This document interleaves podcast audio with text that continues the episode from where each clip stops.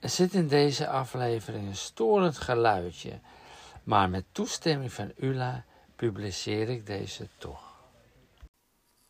Wij staan hier vlakbij het Rijsbos. En daar gingen we gisteren een catch zoeken. Bij de stenen kist heet dat. Heel goed verstopt. Wij hebben het niet kunnen vinden. Maar de muggen vonden ons wel. Die waren heel enthousiast. Die riepen elkaar toe van kom op jongens, dan komen er een paar lekkere kluifjes aan. Huppakee, grijp ze. Hé, hey, ze zijn helemaal niet beschermd met anti-mugmiddel. Kijk eens wat een lekkere blote benen ze hebben. Blote hoofden. Oh, die ene is helemaal kaal. Joepie. Dat is een makkie. Blote handen en blote armen. Dat wordt een feestmaal, jongens. Grijp ze! Nou, we hebben het geweten hoor. Hoe we ook probeerden te zwabberen en te zwaaien met onze handen, we konden ze niet van ze af, afkrijgen. Zwaaiden hier, dan prikten ze daar. En andersom ook. Oh, het was verschrikkelijk. We hebben het wel eens eerder gemaakt. Vandaar dat ik rustig kan zeggen dat wij aantrekkelijk voor muggen zijn. We hebben het ook in Frankrijk gehad we waren veel te nonchalant met het geld uitgeven. Dus het geld was opeens op, bijna op. En maar ik zei tegen u in al mijn optimisme: Ach, dat is helemaal niet erg. Want we kunnen de campingkosten uitsparen door in de lelijke eend te overnachten. Of ik nou een vooruitziende blik had, ja, dat moet het wel eens geweest zijn. Ik had achter in de lelijke eend, had ik de bank eruit gehaald en met dozen van de drukkerij, daar zat dan uh, kleding en voedsel en zo in. Daarbovenop een luchtbedje.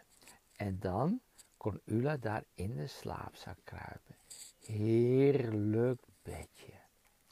Ik dacht, ach, ik red het wel op de voorbank. Dat, uh, dat heb ik wel eens vaker gedaan. Uh, als ik met vrienden naar Frankrijk op visite. Dat ging altijd goed. We kampeerden overal in de auto. Je werd al een beetje uh, krakkemikkig wakker, maar dat was je gauw vergeten. Maar deze keer merkte ik toch wel een beugel in mijn rug. Een lelijke eend heeft namelijk geen bank, maar twee stoelen voorin. En die beugels die zijn heel erg irritant als je daarop probeert te slapen. Of je nou links of rechts of op je rug, je benen omhoog. Nou, op je buik dan gaat het natuurlijk helemaal niet met je benen. Het gaat gewoon niet. Het ligt niet lekker. Dus je zit half, benen lang uit. Zit, zittend slapen deed met iedereen vroeger, dus dat moet kunnen. Maar toen was daar ook nog de volle maan. We hebben ook aantrekkingskracht op de maan. Als er een volle maan is, dan heb ik er last van. Hij schijnt altijd recht in mijn gezicht. Ja, het vervelende van een lelijke eend is dat er geen verduisteringsgordijnen in zitten. Dus je hebt het maar te accepteren. Een grote, volle, ronde, heldere maan. Geen wolkje aan de lucht. Nou, ik zat een tijdje naar die maan te kijken en dacht van ja, dit moet je toch eigenlijk heel erg mooi en romantisch vinden. Nou, ik vond er geen bal aan. Toen kwam het allerergste. Er was een dikke mug die van buitenaf mij in de gaten had. En overal probeerde binnen te komen. De randen van de ramen, aan de rubbers, aan de ventilatieroosters.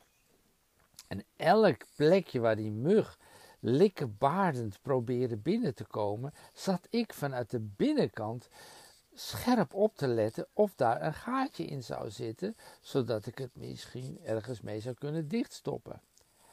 Dat beestje dat zat bij voorbaat kwijlend mij aan te kijken en dacht, oh jongen, als ik jou dadelijk te pakken krijg, dan slurp ik dat zoete bloed voor. Mm. Ja, slik. Dat, dat slurp ik helemaal tot ik een heel vol rond buikje heb. En dan pas dan nog een extra slokje als toetje. En dan ga ik pas weg. Maar gelukkig, het is dat kaleren wijfie niet gulend. Het zijn altijd die vrouwtjes hè, die je leeg zuigen. Oh ja, dat mag ik niet zeggen natuurlijk. Neem ik terug.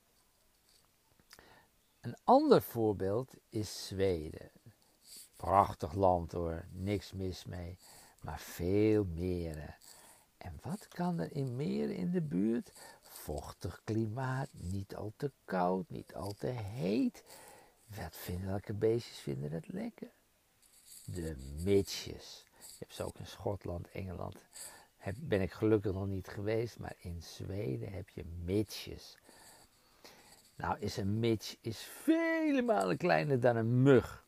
Je ziet ze bijna niet.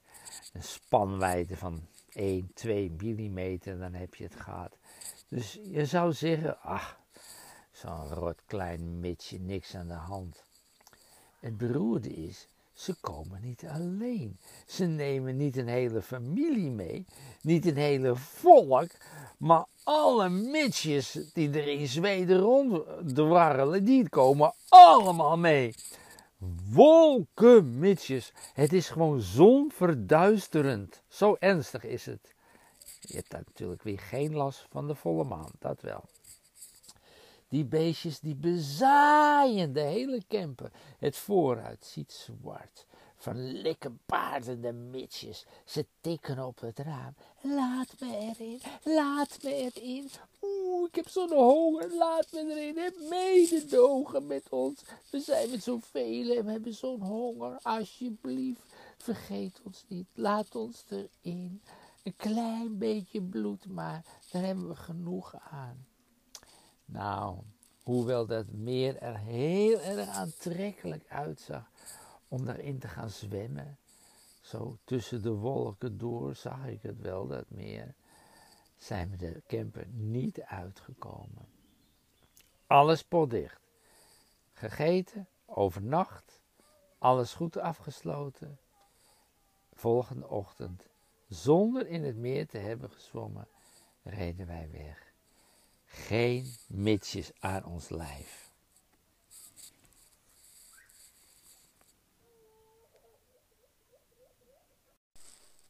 Tot slot mijn conclusie. We hebben geluk gehad met die dikke vrouwtjesmug in Frankrijk en Bretagne. We zijn die etterige mitsjes in Zweden te slim afgeweest. Maar in het Rijstermuggenbos zijn we overvallen en te grazen genomen door de rijster muggen. Daar konden we niet aan ontkomen. Wat een vreugde in de muggengemeenschap dat ze ons eindelijk te pakken hebben gekregen.